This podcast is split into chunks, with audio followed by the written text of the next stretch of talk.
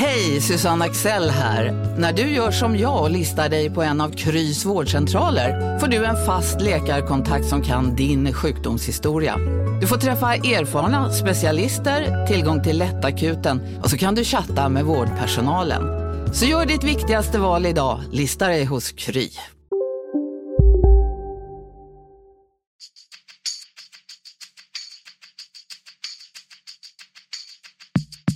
Skönt att komma ut och uh, bara lukta gräset. Så det, är, det är fotboll för mig. Nu är jag här och jag är väldigt glad att uh, kunna spela för det laget som jag har närmast om hjärtat. Om att skapa tro, om att tro på det vi gör, jobba vidare och vi ska bara ut där och ska vi leverera. Och det ska vi ju. Basta.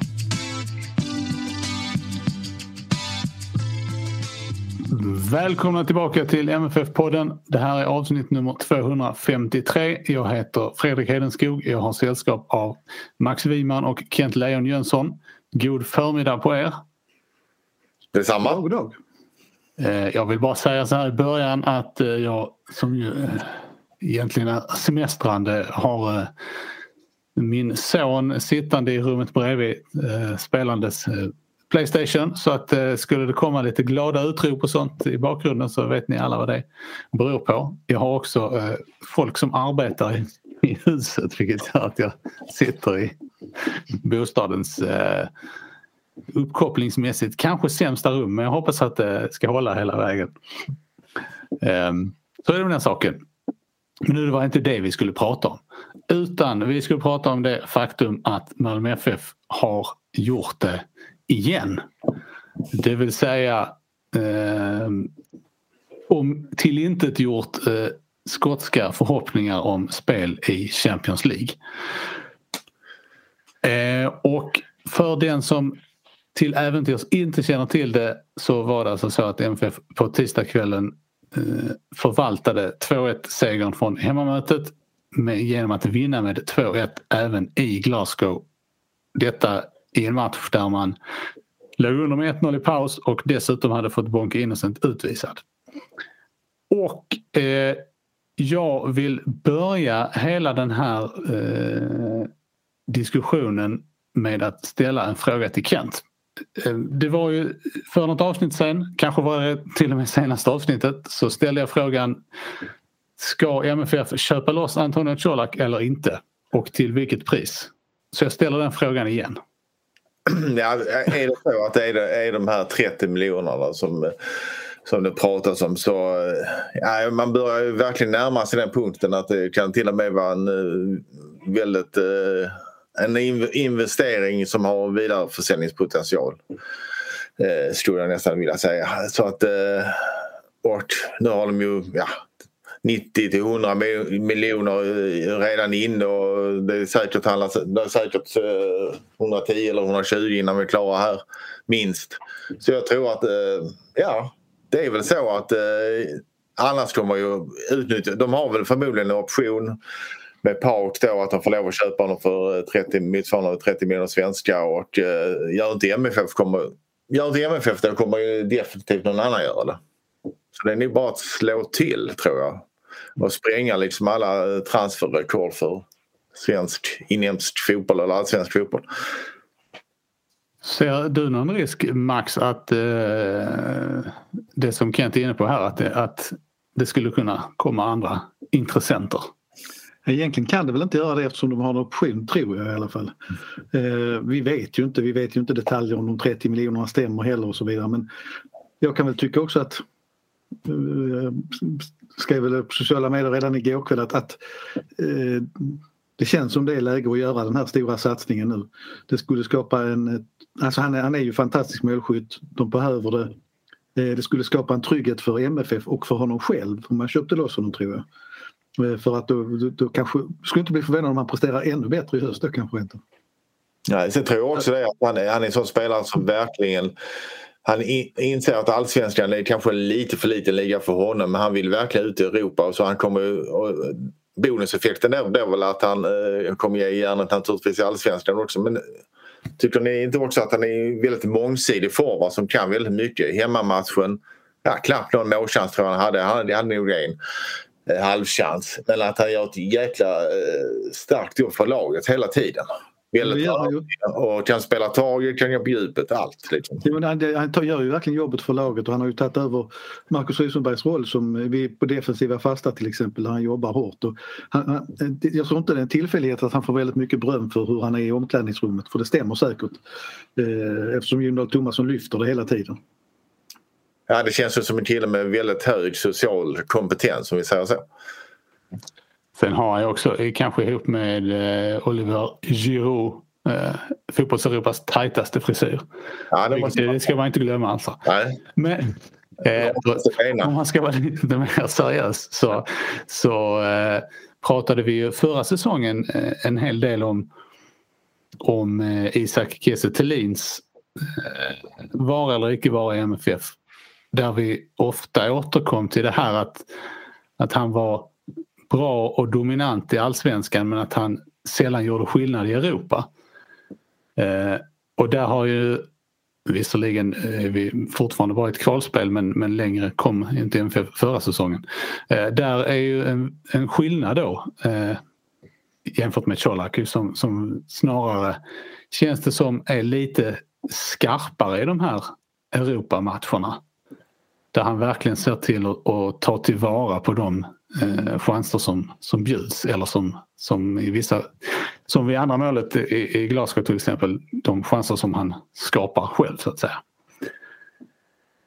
Dessutom har han ju börjat hitta ett samarbete med Birmancevic som, som ser väldigt spännande ut. Eh, fotboll handlar ju mycket om att hitta konstellationer som fungerar väl tillsammans också. Så mm. att där finns ju definitivt någonting att bygga på i högsta grad. Det är därför man vill ge eh, Jonas Thomasson eh, en cred också att hitta den rätta formationen i de här två matcherna med, med eh, wingbacks och tre mittbackar och Birmancevic i en, rätt så fri roll.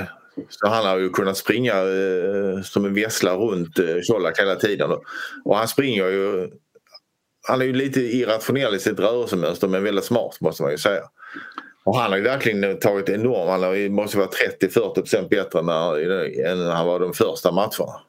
Ja, det är stor skillnad på honom. Sen tycker jag det var fascinerande om vi just tittar till laguppställningen igår att det speglar väl ändå hur MFF vågar ute i Europa och Jon Thomasson ska väl ha cred för det.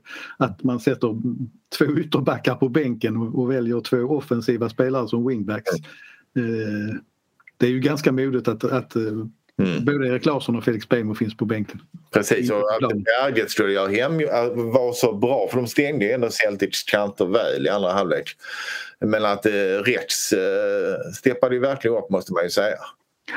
Apropå kontrakt där så tycker jag att eh, han har ju utgående kontrakt. Nu vet jag inte om han själv vill något annat men jag skulle ju tycka att Malmö FF borde förlänga honom på ett år åtminstone för att han som personlighet och eh, som spelare och hur han accepterar sin roll eh, upplever jag som oerhört viktig. Absolut, väldigt eh, rutinerad och moget agerande av honom eh, nästan hela tiden under hela hans tid i MFF. Han känns så stabil både på och bredvid planen. Och sen måste man väl lyfta fram Niklas Moisander också som har skänkt stadga åt eh, de bakre leden måste man väl säga. Uh, och man ser också en sån som Lasse Nilsson tycker jag att han höjer sig när han får spela bredvid bättre spelare så att säga.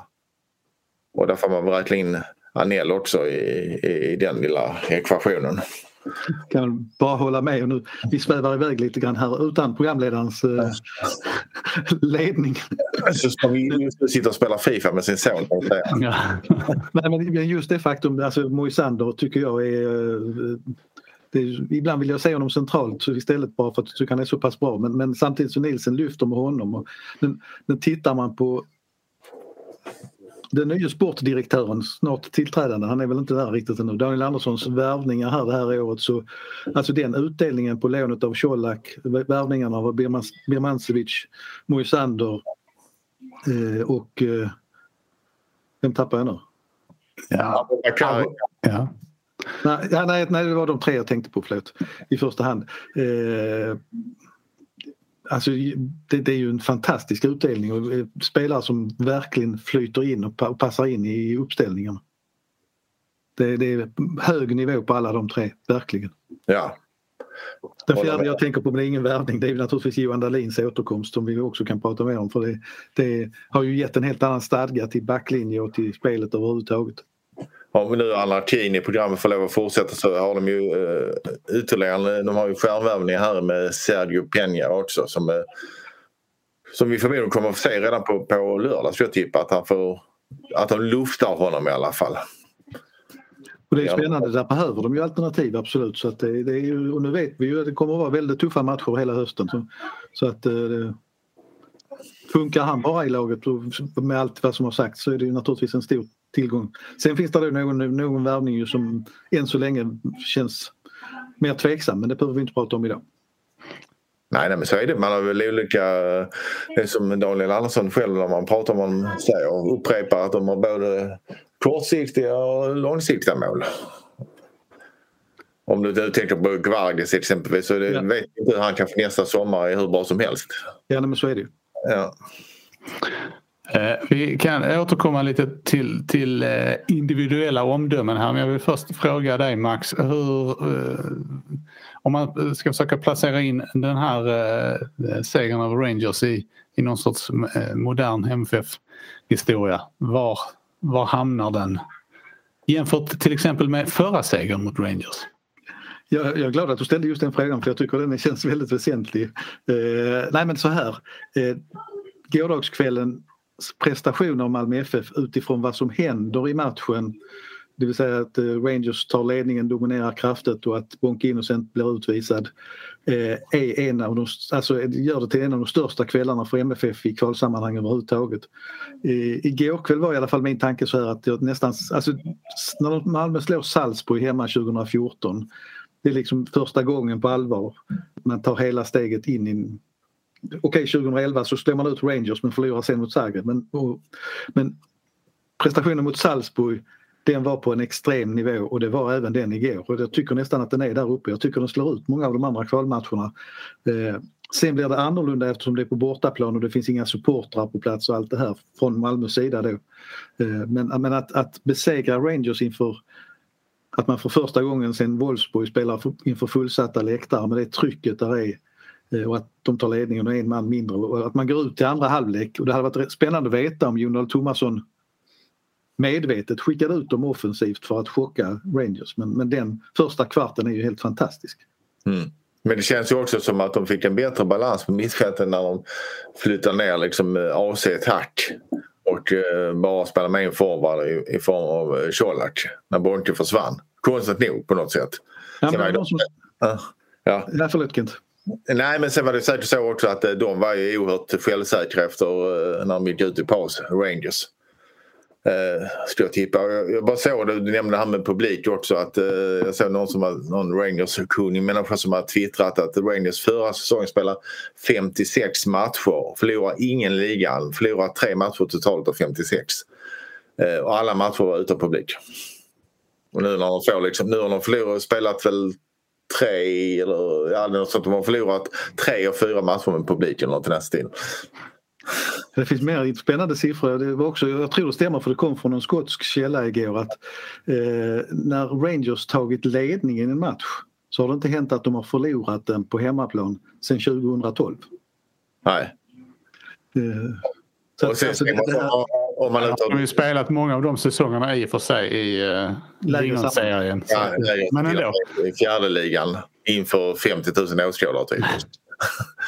uh, Men Salzburg var ju också som du nämnde här Max, var ju, men då hade man, eh, här kändes det inte som att eh, tur var inblandad på något sätt. Det kändes ju lite i Salzburgs, eh, alltså i bortamatchen med Salzburg att det kunde stått, ja, det kunde varit 6-1 eller något i den stilen om man ser till målchanser. Och att de hade väl Mané som senare gick till, uh, hamnade i, i Liverpool, att han strejkade i, i Malmö-matchen så att säga. Han åkte väl inte med. Nej, men alltså, sett över två matcher så att säga så är detta en mycket jämnare. Alltså, Malmö har ju varit bättre än Rangers tycker jag. Eh, utan, utan... Man kan nog säga att MFF får vara bättre i tre av fyra halvlekar i alla fall. Ja, så kan man också uttrycka det. Ja. Eh, men som sagt, bortamatchen mot Salzburg var ju inte bra och där hade de tur med Forsbergs mål också.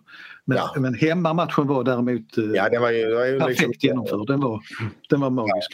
Men sen får man inte glömma att Salzburg spelar en jättefin fotboll i, i Österrike i den matchen. Sen att jämföra med Rangers 2011 mm. eh, så tycker jag det, det, är, lite, det är lite svårt eh, eh på sitt sätt ändå. Men eh, det blir väldigt olika karaktär. Ja det blir utvisningar i Malmö också. Det blev två utvisningar på Rangers och en på Ricardinho i Malmö. Mm. Eh, det var väldigt mycket kamp även där. Men det är ju någonting måste vi ändå konstatera att om vi räknar bort lag som Chelsea och Swansea så passar alltså lag på riktigt hög nivå i engelska ligan så passar ju brittisk motstånd Malmö FF ganska bra. Det är bara att konstatera. Ja, men Rangers tyckte jag ändå spelade rätt så primitiv fotboll med eh, högt tempo som de kanske inte riktigt behärskar. Trycka på och tacklas och slå inlägg. Eh, och det tror jag passar MFFs, eh, den backuppsättningen de hade i, går kväll väldigt bra som eh, ändå nickade bort allt i stort sett förutom, eh, men när Morelos 1-0 mål Ja, det kunde ju lika gärna vara frispark om domarna eh, hade varit med på, på noterna där. Det är ju rätt kraftig han gör det rätt snyggt om man får lov att säga så. Morelos så knuffar ju Moisander precis i upphoppet. Ja. Han är, är, intressant men inte så förvånande kanske att Morelos eh, mattades betänkligt ju längre matchen led. Han såg ut som han eh, bar på några kilon för mycket. Ja, man har suttit i karantän i 14 dagar. Ja, men herregud. 14 dagar. Det var, jo, mer, det var mer än 14 dagars eh, trivselkilo han hade. Ja, och han kommer ändå från, eh, från Sydamerikanska mästerskapet där han har spelat. Väl. Och, eh, då spelade han när han mötte Dundee i, i helgen. Nej, det kändes ju lite... Man, man såg att det fanns en jäkla potential i honom.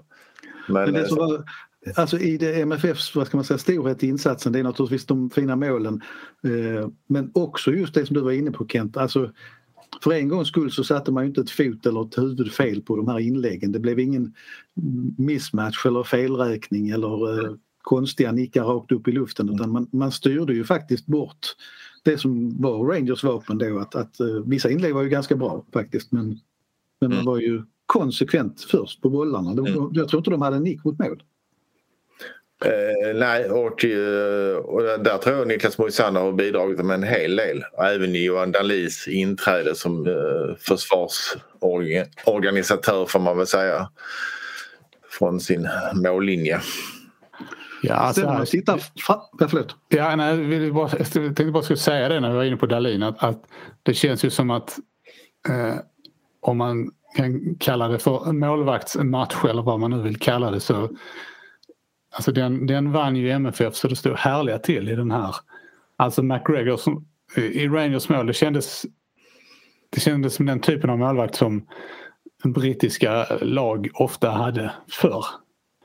Eh, att det lite grann var lagets svaga punkt. Det känns, han kändes inte övertygande inte någon gång eh, under eh, två gånger 90 minuter känns det som. Nej, stor och tung kändes han och gammal är han väl också, han är 38 eller något den stilen. Ja och jag vet inte, det är klart nu hade, det var ju väldigt många eh, Alltså MFF uppvisade ju en ruskig effektivitet i de här två matcherna. Eh, för trots liksom oavsett hur, hur, bra de spelade totalt sett så skapade de inte särskilt mycket chanser men de, de chanserna som de skapade de förvaltade de ju i princip.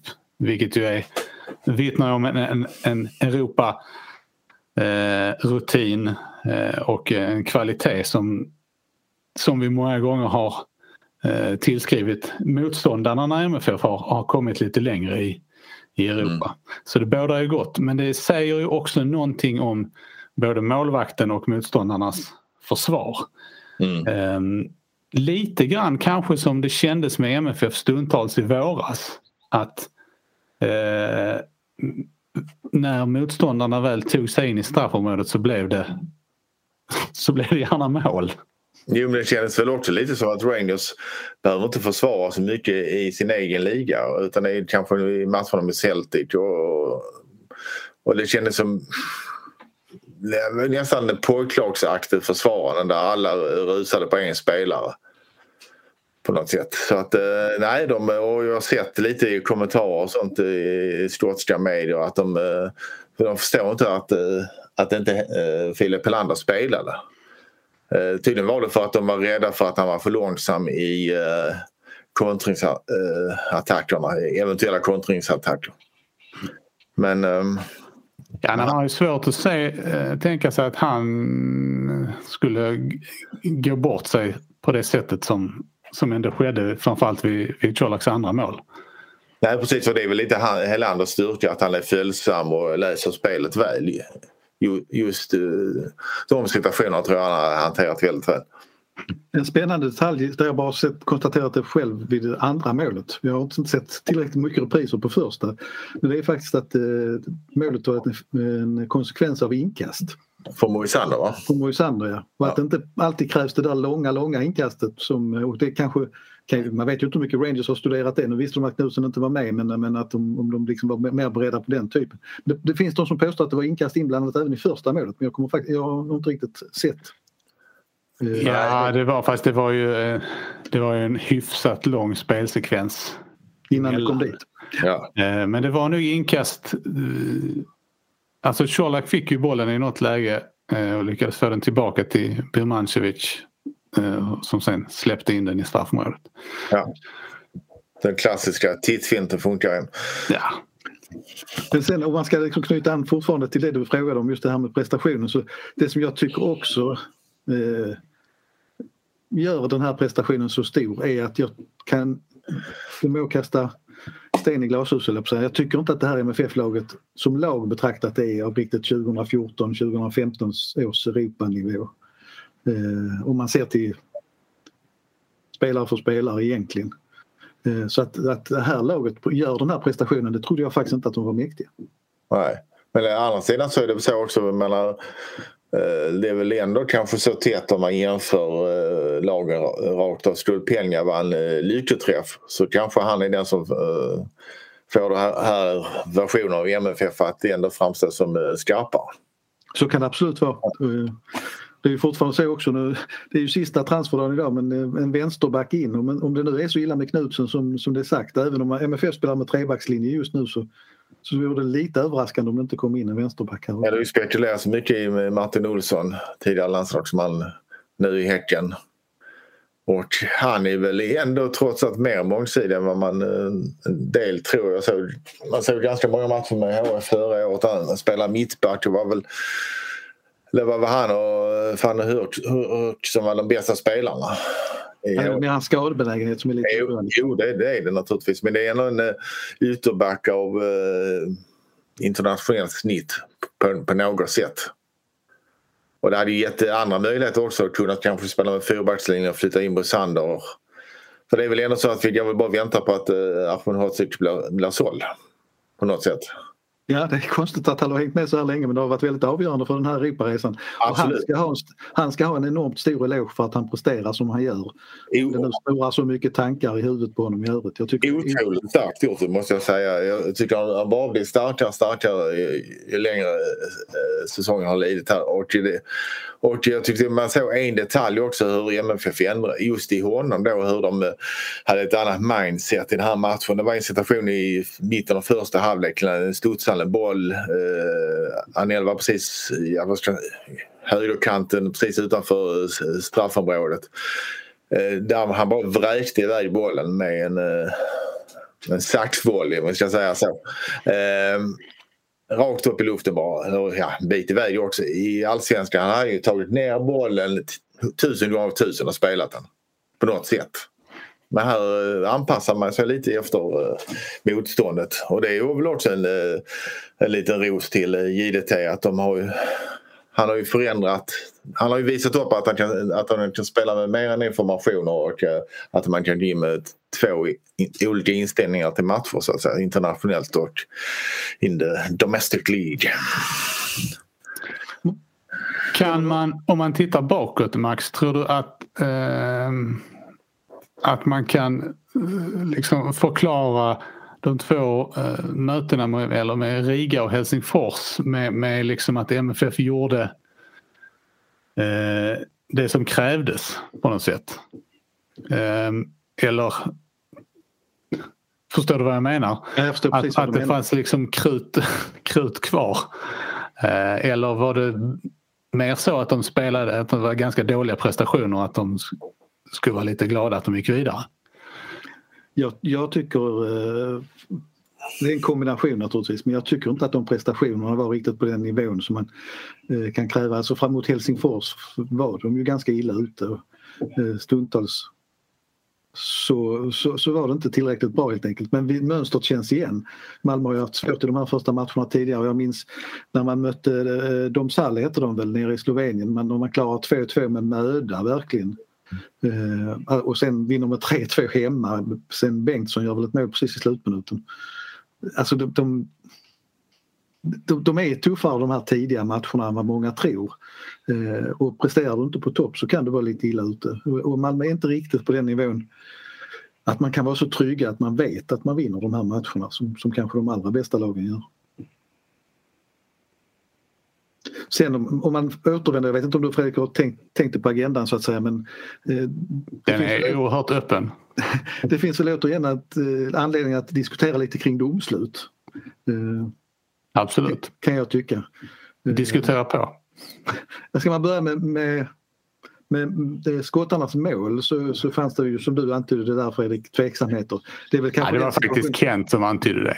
Nej, Kent, förlåt var det Kent. Förlåt. Jag kan inte ta äran ifrån Kent. Nej. Eh, men det var väl en sån situation där man inte, jag kände inte att oj det här blev totalt katastroffel. Eh, men eh, det kunde naturligtvis blivit frispark för MFF och det är mycket möjligt att VAR hade gett ett annat, ett annat beslut.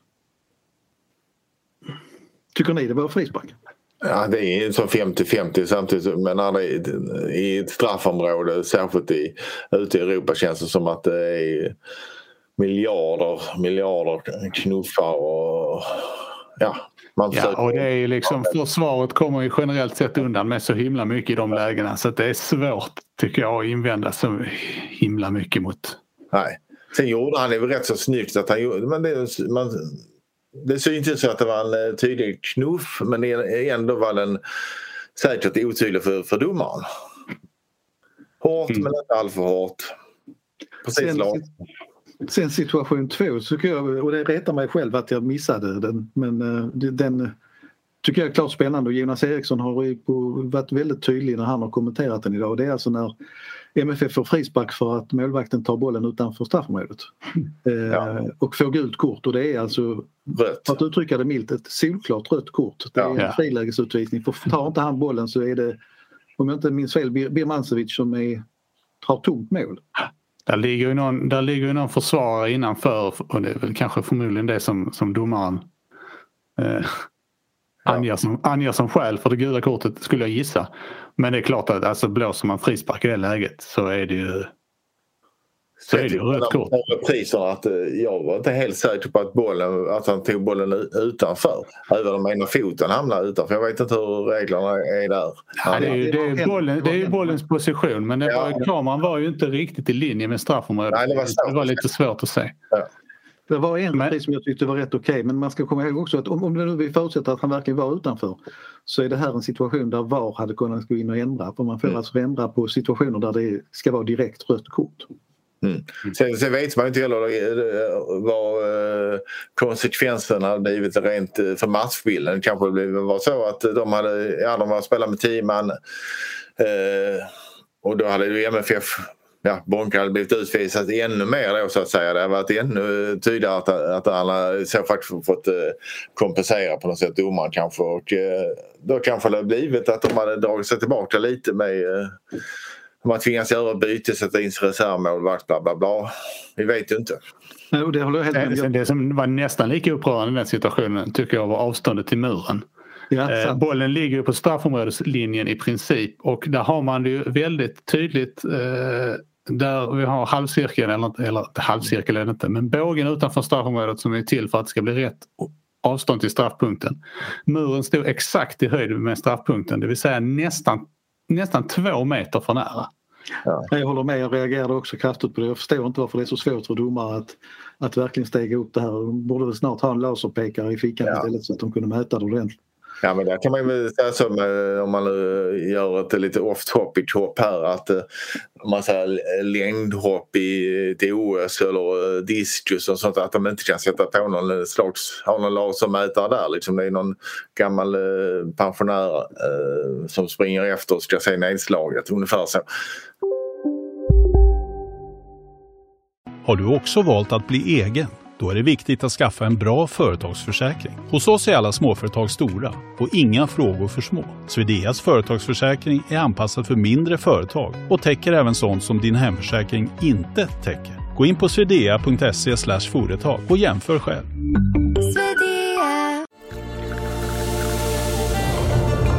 Välkommen till Maccafé på utvalda McDonalds restauranger med Baristakaffe till rimligt pris. Vad sägs om en latte eller cappuccino för bara 35 kronor? Alltid gjorda av våra utbildade baristor.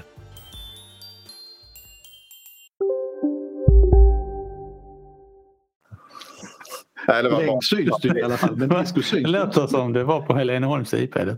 Ja, det är det faktiskt. Men det här med domsluten, jag tycker, jag tycker inte det egentligen inte för det matchavgörandet i den här situationen utan det är mer intressant för principerna liksom hur det, hur det, vad som sker och vad som hade hänt med VAR och så vidare och vilket som är rätt och fel.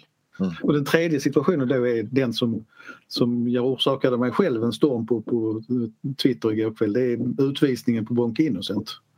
Eh, och jag, jag kan inte riktigt reglerna där om VAR hade kunnat ändra på det beslutet eftersom det bara var ett gult kort så att säga han fick. Eh, men det, det möjligtvis eftersom det fanns en förseelse enligt Jonas Eriksson som, som innebar att den andra spelaren skulle blivit varnad istället. Ja, men sen ska inte, eh, oavsett ska inte uh, Bonke fem minuter efter att ha fått ett vila alltså på stopptid på mittplanen. Alltså, han behöver inte ens gå in i den situationen. Men det är ju, det är ju både hans styrka och svaghet att han ger hundra i alla lägen så att säga. Ja, men det måste ju vara, alltså det har hänt så många gånger nu.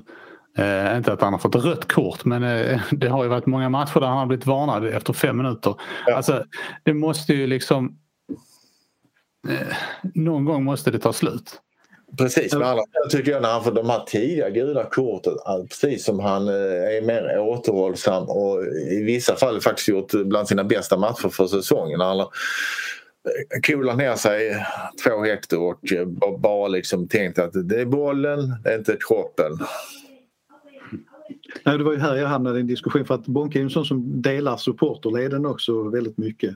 Och det ni säger nu, alltså, vi har nog en bild av att Bonke har fått fler gula kort och inte minst tidigt än vad han i verkligheten har fått. Men han har ju försatt sig i situationer också ofta där det har varit risk för gula kort.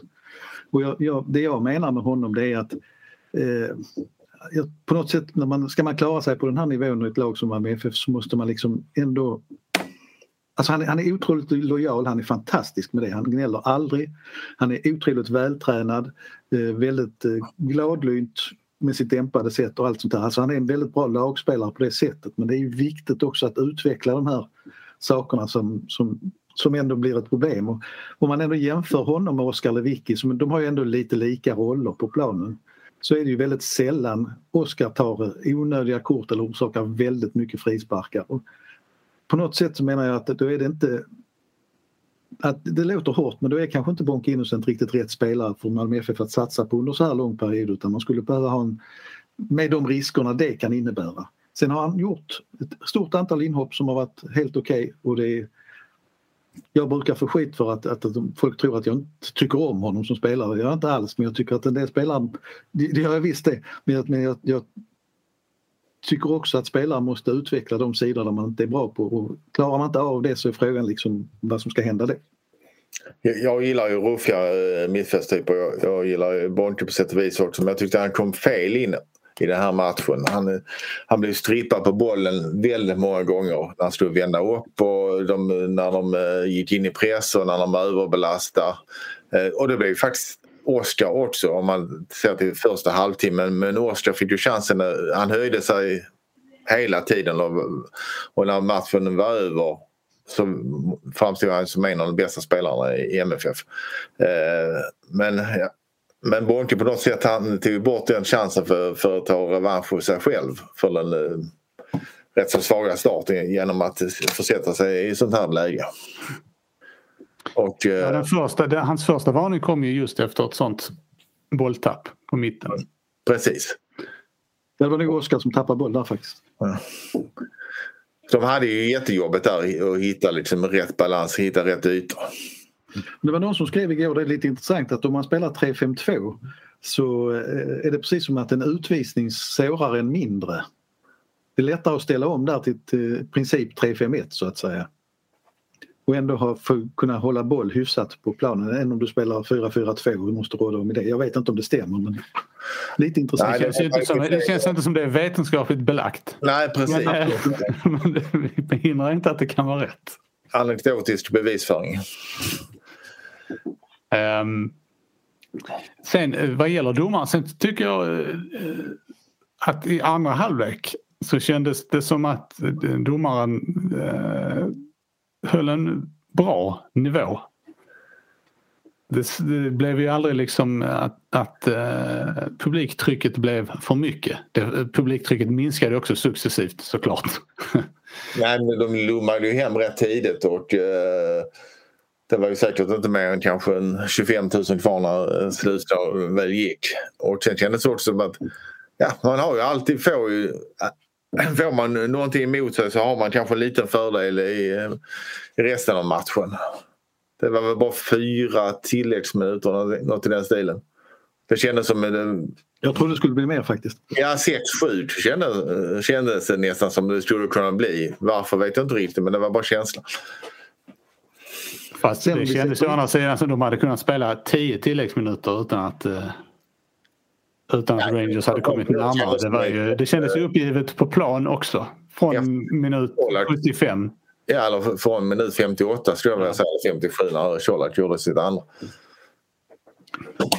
Sen om man tittar på, sätter in det här i ett större perspektiv så måste man ju än en gång ändå lyfta det som Malmö FF har gjort sen 2011. Eh, detta är alltså sjätte Europaspelet och man klarar då dessutom att minst ta steget till Europa League. Vi pratar inte Conference League längre nu. Och chansen till Champions League finns fortfarande. Men tre Champions League-gruppspel eller förlåt, sex, eh, sex gruppspel i Europa eh, känns ju som en, en, känns som en utopi för 15 år sedan på, med ett svenskt lag. Och det är ju ja. fantastiskt att man är där. Ja, detta samtidigt som, som Elfsborg och Hammarby eh, inte utslagna än. Inte utslagna än men behöver eh, prestera på väldigt hög nivå för att ta sig till eh, playoff till Conference League. Ja precis för de har ju en match ytterligare om de skulle krångla sig vidare nu. Mm. Naturligtvis. Och eh, nej, men jag håller med Max bedriften tycker jag ligger i att de har spelat sig till de här pengarna. De här framgången har gett framgång. Det är inte så att det är någon eh, miljardär som gått in med 200 miljoner utan de har ju själva, ja en del försäljningar naturligtvis men mest prispengar tagit de här stegen. Och det är ju beundransvärt, det är ju skickligt gjort, det måste man ju säga. Ja det är, det är liksom på de är ju uppe på den här Rosenborg FC Köpenhamn nivån när de har varit som allra bäst och det, det, det är otroligt starkt att, att i det tuffa klimatet som finns där du ändå måste släppa spelare hela tiden ändå kunna bygga om laget och ändå behålla en stark identitet av Malmölag. För det tycker jag fortfarande att man har gjort även om det just nu börjar bli farligt mycket utländska spelare. De har ju så många utländska spelare just nu att alla inte kan spela. Eh, ja. Eller finnas med i trupp. Eh, nu ska man säga det att om nu Knutsen är skadad resten av säsongen så faller han ju bort därifrån men det det är ändå där borde man ju få göra någon sorts regionala EU-undantag. Alltså danska spelare i Malmö kan inte räknas som utländska spelare. Det är, det är helt orimligt. Lite sant. Sen är väl det också att uh, det hade ju Nej, det hade kanske varit drömmen för många att, eh, att MFF skulle vara något eh, Atletic Bilbao bara Skåne i laget. Men det är väl en uh, utopi naturligtvis. Uh, men jag såg lite på Landskrona Boys igår. De har väl bara uh, Skånefödda spelare i, i sin startelva i alla fall. Nu förlorade de ju derbyt, kanske berodde på det, jag vet inte. Men uh, mitt HIF.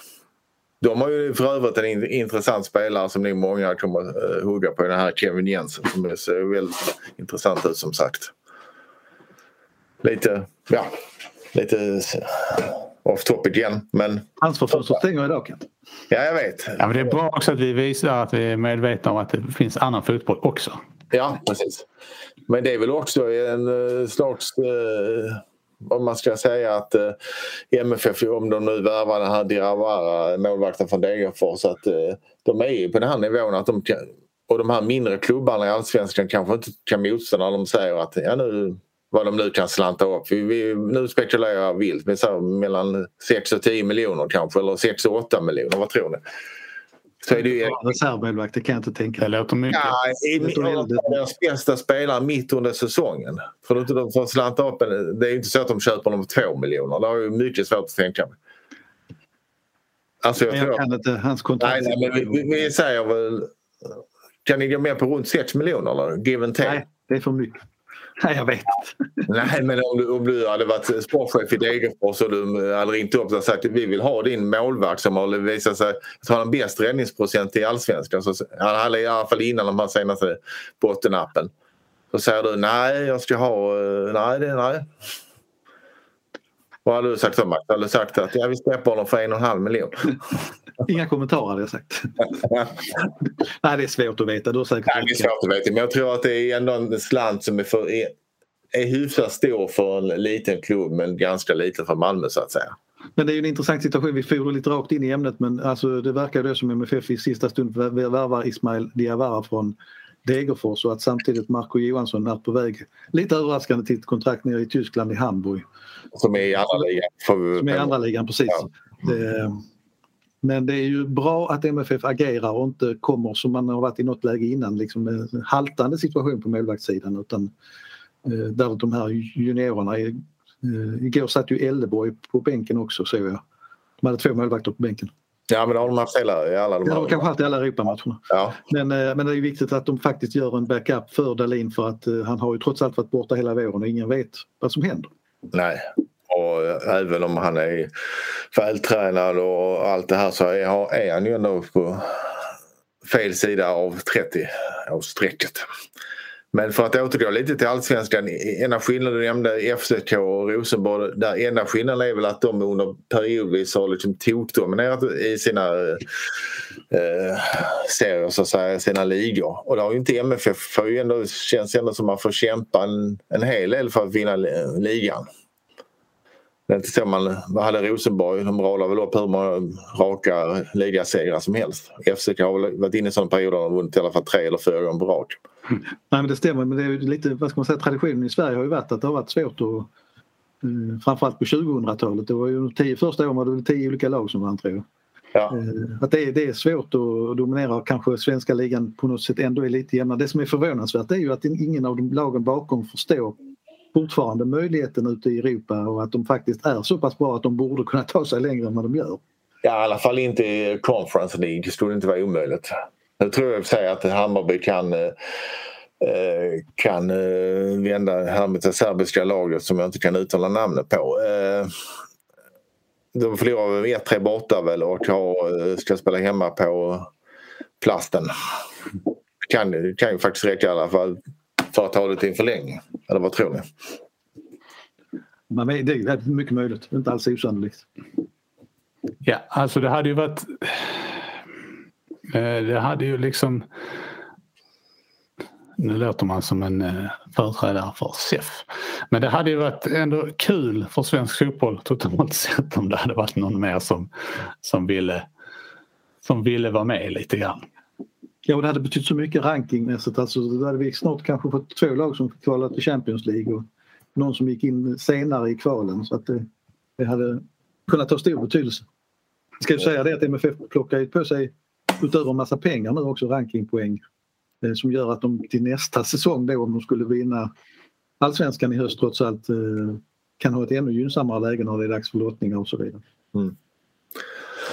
Skottarna var ju den sitsen var för första gången på tio år sedan var två lag som var inne och kvala i Champions, till Champions Leagues gruppspel. Men det gick ju inte bra då. Nej, det Sen om man ska koppla ihop... Så, förlåt. Ja, kör på. Eh, nej men jag tänker på det här också att eh, och vi ska backa lite grann, vi har inte pratat, vi har väl missat mer än Halmstad-matchen men, men MFF spelar ju bara 0-0 uppe i Halmstad och där valde ju Jonas Tomasson att bänka rätt många spelare. Eh, man ska komma ihåg att Halmstad är väldigt förstar, stark, försvarsstarkt lag så det var inte så konstigt att de höll tätt. Men, men det är där också MFF på något sätt för att lyckas i Europa så kanske du måste chansa lite grann i allsvenskan och det går att reparera ett 0-0 mot Halmstad. Det såg man när Djurgården förlorade mot AIK dagen efter. Eh, men du kan aldrig reparera eh, om du inte satsar i Europa utan där måste du gå all in för att det ska fungera. Ja. Eh, och den, det, där tror jag Malmö har lärt sig läxan endast tillbaka sen när man började liksom slå Milan 1968 på hemmaplan att, att möjligheterna fanns där. Sen tog det väldigt lång tid innan man fram till 79 gick hela vägen till en Europacupfinal men, men man, hade, man har haft det här med sig i väggarna hela tiden och jag tror att det är jätteviktigt. Ja, det är, bara, det är ju bara IFK, IFK Göteborg som kan konkurrera. Ja, ja, det är ju under en ganska kort period om man ska vara krass. Det är två ja. Uefa-cupfinaler och det är en del Europacup-framgångar, absolut. Ja, men det är ju ändå Champions League. Ja, det var ju ändå 15 år. Ja, de har ju haft en längre period om man säger det så, där de har varit verkligen liksom uh, contenders kan jag tycka ändå. De hade ju ändå nästan halva. Från 82-87 tog de hem Uefa. Uh, Två gånger två gånger. Så var de i semifinal i Europacupen med Barcelona. Sen har de väl ett par riktigt bra gruppspel i, i uh, Champions League när de var nystartat på 90-talet. Ja, de vann, ju, de, vann ju en, eh, de vann ju gruppen ett år före Barcelona och Manchester United. Ja, det är, Nej, det, det är Naturligtvis, de gjorde fantastiska resultat. Det är inte det jag är ute efter men Malmö har liksom lyckats hålla vad ska man säga, en, en kurva i det här under väldigt, väldigt många år och liksom någon sorts eh, medvet, väldigt medveten strategi om att hålla i det här.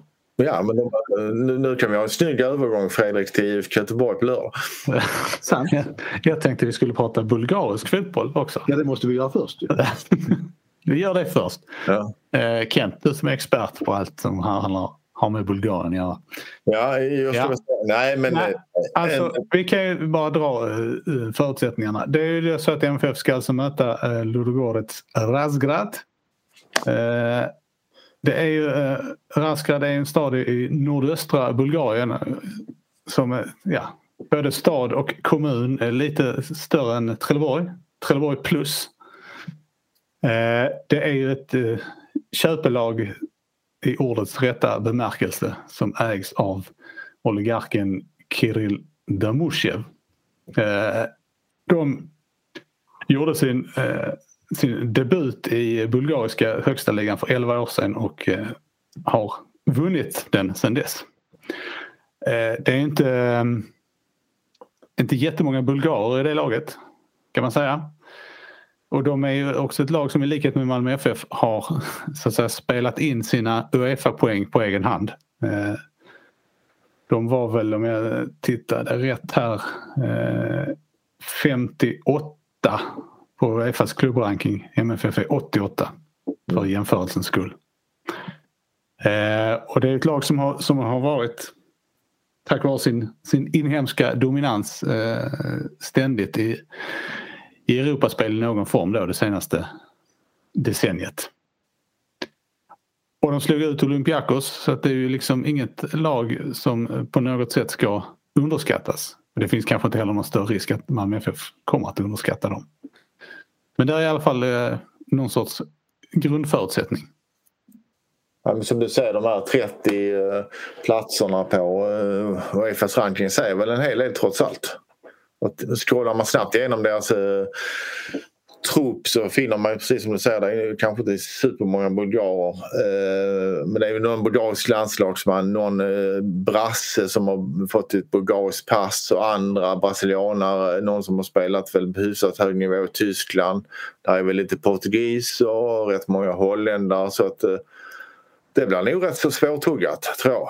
Och eh, om man säger bortamatch så vet man ju ingenting om mer än att de har en ganska liten arena väl. Eh, men när, eh, på något sätt även om det är 50 000 åskådare i Glasgow så vet man ändå exakt vad som, eh, vad som händer inne på arenan, vad som händer i staden. Ungefär, på ett ungefär i alla fall. Eh, men man vet, här är det mer eh, logistikutmaningar eh, skulle jag vilja säga. Det är ju naturligtvis inte som om de skulle ha åkt ut mot eh, mot eh, Rangers och fått åka till Kazakstan. Liksom en flygresa på ska vi säga, tio timmar i alla fall. Det är väl rent om man drar en linje rakt över kartan så är det väl liksom i, förbi Pakistan i alla fall. Nästa. Så att eh, Så det får nog, eh, men jag tror MFF också tror att eh, vi är inte i det läget som det var, var det 2005 när de mötte Thun som vi kände, man kände att det här ska MFF lätt klara av och så kommer man ut med buller och bång utan det här är nog kanske en motståndare som ändå är par, eller ett eller ett par snäpp bättre än Rangers men som inte är lika stort namn på våra breddgrader. Vad, ja, förlåt Max, jag skulle fråga dig, vad, vad, tänker du? För nu, det är ju ändå, i och med att MFF är klara för, för gruppspel i Europa League och för all del äh, gäller ju motståndarna också men det, det, är ju allt, allt att vinna i de här playoff-mötena äh, och har så varit de senaste åren. Förändrar det saker och ting på något sätt? Ja, men jag tror så här att när MFF tog sig in i Champions League de där två åren då var det ju så oerhört stort. De hade aldrig gjort det förr och det var liksom det stora, stora målet. Det är klart att det är det stora målet nu också givetvis men, men på något sätt är det en bonus tycker jag om, om de skulle klara sig vidare till Champions League igen. Jag tycker ingen kan på något sätt begära att MFF ska vara favorit eller så. Utifrån de resultat man har presterat så känns det ju som att ja, de skulle kunna matcha Ludogorets, absolut. Eh, men vi vet ganska, vi har väl inte sett dem sådär jättemycket och det, det, så att jag tycker man ser det lite grann som en bonus om de skulle ta sig in. Sen är det lite så, det är väl kanske svära i kyrkan men, men om vi lever i en tid med restriktioner i höst också och det inte blir de stora publikfesterna på, mot eh, Manchester United eller några så, så, liksom de här riktigt stora lagen så kan jag ju nästan tycka att Europa League med MFF-möjligheter att gå vidare är väl så roligt. Alltså att det blir mer fokus på det sportsliga då. Ja. Än, ja, ni vet vilken cirkus det var när Zlatan skulle hit och så vidare och det, det var ju fantastiskt men, men eh, ja, jag tror att risken är stor att vi lever med restriktioner även i höst och då, då blir det inte de festerna. Då känns det inte lika viktigt, alltså rent sportsligt perspektiv, att, att spela i Champions League. Sen betyder det mer pengar, det betyder fortfarande kanske uppåt 200 miljoner istället för drygt 100 miljoner. Men eh, och det, det, det, har ju naturligtvis väldigt stor betydelse men om man bortser från den lilla biten så, så är jag lite, lite så kluven. Det, det är klart. Ja, jag håller med för de blir ju, kommer ju bli en, eh, hur man än vänder och vrider på det, en slagpåse om de tar sig till Champions Leagues gruppspel. Det är kanske vad ska jag säga, max fyra poäng och då har man gjort det fruktansvärt bra i så fall om man tar det. Ja så är det ju oftast och det, annars ska du ha maximal tur med lottningen på något ja. sätt. Så att, det, det kunde väl i och för sig vara dags. Riktigt bra lag. Ja, det, de har ju inte haft flyt med lottningen i Champions League, det kan vi konstatera, om de nu skulle komma dit. Ja. Sen om man tittar på MFFs då väldigt rika historia i Europa så är det faktiskt lite märkligt att man har bara mött ett bulgariskt lag en enda gång. vet ni när det var? Ja, det var på 60-talet man fick dyngstryk. Ja, 1964 så mötte man Lokomotiv Sofia och förlorade med 3-8 borta men sen vann ja. man med 2-0 hemma. Men det är lite konstigt med tanke på hur mycket Malmö har spelat i Europa att man inte har stött ja. på något lag. Gud vad ni är gamla. Alltså. Så vill jag minnas att man har mött dem i tipscupen. Det, typ, det, har man säkert gjort. Det har man säkert. Jag vet om CSKA Moskva, Sofia menar jag naturligtvis. Ja, alltså vill man möta bulgariska lag lite mer så ska man hålla till i Conference League tror jag. Ja. Eh, ja. Eh, det är, ju så, det är ju inte bestämt när de här matcherna ska spelas eh, än men det är ju då tisdag eller onsdag de två kommande veckorna. Så mycket kan vi säga. Eh, och det är väl inte heller bestämt om de börjar hemma eller borta? Väl? Jo, de börjar hemma. de börjar hemma. Ja. Bra. Då kan du notera detta. Jag noterar det direkt, ja. tar tillbaka och hävdar motsatsen. Ja. Vi ska säga här därför att vi ska korrigera direkt där att hemmamatchen spelas den 18 augusti 21.00. Onsdag alltså. Finns ja. det nu alltså? Ja, den är officiell på Uefas hemsida. Jag tittade i morse då. Åk på MFFs eh, och det är en 21-match i Malmö. Alltså. Ja. Jag som försökte förbereda mig i morse. Vad fick jag för det? Bortamatcherna är inte lagda. Nej. 21 det är bra. Och sen extra krydda här är ju med tanke på Diawara, målvakten, eventuella målvakten från Degerfors är ju faktiskt att efter Göteborgsmatchen så möter man faktiskt Degerfors hemma den 21. Bara en sån sak. Ska man se det krasst då ur, ur lottningssynpunkt och så vidare, alltså, så vi nu ska glida över på de här allsvenska matcherna då nu.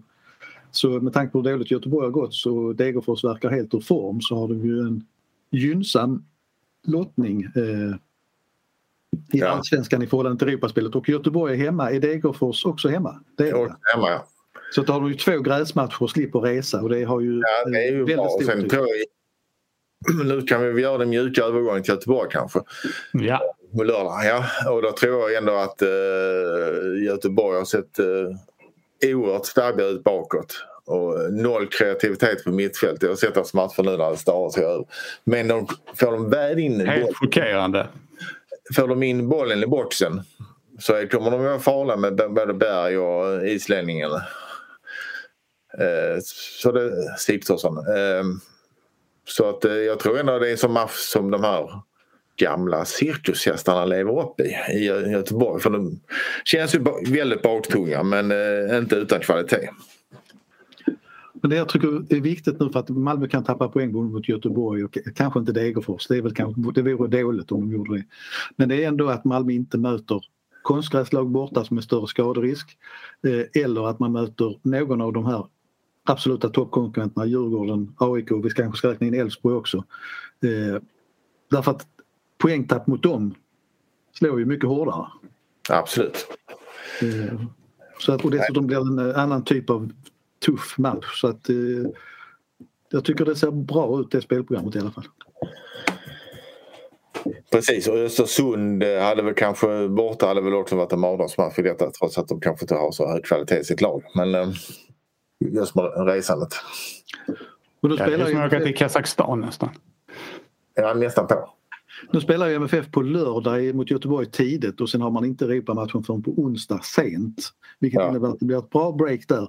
Däremot ett väldigt kort break kanske, eller inte väldigt kort men ett ganska kort break nu till Göteborgsmatchen. Eh, och där får han ju trolla lite med knäna och verkligen ha fingertoppskänsla för han har ju inte så mycket att slänga in från bänken ändå kanske. Men några spelare och så naturligtvis Peña då i en debut. Det blir ju spännande. Enja och så Larsson och Bejmo kommer väl spela, det får vi väl utgå från. Ja, och Adi Nalic förmodligen även om jag tycker Ja, att hans prestationer har varit väldigt ojämna. Väldigt ojämna men det finns ju någonting. Men, eh, Ja, få- Rakip, Rakip kan starta. Eh, Nanasi skulle kunna vara aktuell till och med kanske. Så att det jag finns ju lite Abubakari kommer väl också starta. Får vi eh, nästan utgå från. Och, vi, och Bonke var väl avstängd senare så han kommer väl starta. Och är väl fick trevligt också. halvlek. Nej, men det är väl trevligt att han är med från start där också. Så att det blir en avvägning. Det är en avvägning av hur många bra spelare, de bästa spelarna de ska starta och det här med att släppa in dem i andra halvlek. Det, det, är- det är Ja. ett litet vågspel. Vet, har fortfarande svårt att vinna utan Anders Christiansen på banan, det måste påpekas. ja, och han kom igen in ganska tidigt med Halmstad. Kom inte in i 55 eller till den stilen. Jo, stämmer nog. Jag är nog lite förespråkare vad det gäller honom att det är bättre att spela honom i första halvlek och så att de hinner skapa någonting då. Men Ja. Nej, men det, vi får väl utgå från att både AC och Colak sitter på bänken. Och även Birmancevic kanske. Och sen måste väl en del av de här i bakre leden kanske vila också. Nu vilar Moisander senast och Lasse Nielsen var till och med från start. Va? Sen var ju Frans, ju- Frans Brorsson var ju inte med. Det försvann ju laguppställningen. Eh, Jag tror dock att han var med till Glasgow men jag vet inte riktigt vad som hände där. Jag vet inte alls heller och eftersom det är så tyst runt MFF nu så det var ju rykten om flytt tidigare men sen verkar Ja. det inte så aktuellt enligt honom själv. Men det finns ju ett frågetecken där. Är han på väg bort? Eh, Och är Arnel på väg bort så borde det ju komma in en mittback idag. Vilket Ja. eh, vi, inte, vi, vi vet ingenting nu i alla fall. Nej, Mittback eller på så vänster. har att de presenterat uh, sjuårskontrakt med Frans. Ja. Nej, nej, men det är ju inte han, hans förhandlingssits om han skulle vara kvar i MFF har inte försämrats i alla fall. Nej, Nej. vi får se vad det blir av det eh, under resten av dagen. Kanske har det redan hänt något när ni lyssnar på detta. Ja. Eh, vi återkommer. Nu började semester och annat gå mot sitt slut så att vi ska snart vara tillbaka på någon sorts mer normalt eh, publiceringsschema tänker jag. Eh, men det, vi vågar inte säga idag exakt vilken dag det blir. Det får vi helt enkelt se. Det här har varit avsnitt nummer 253 av MFF-podden där vi anser att konstgräs ska förbjudas i svensk elitfotboll. Jag heter Fredrik Hedenskog, jag har haft sällskap av Max Wiman och Kent Leon Jönsson och ansvarig utgivare är Jonas Kanje. Tack för oss, hej hej! Hej hej! Hej.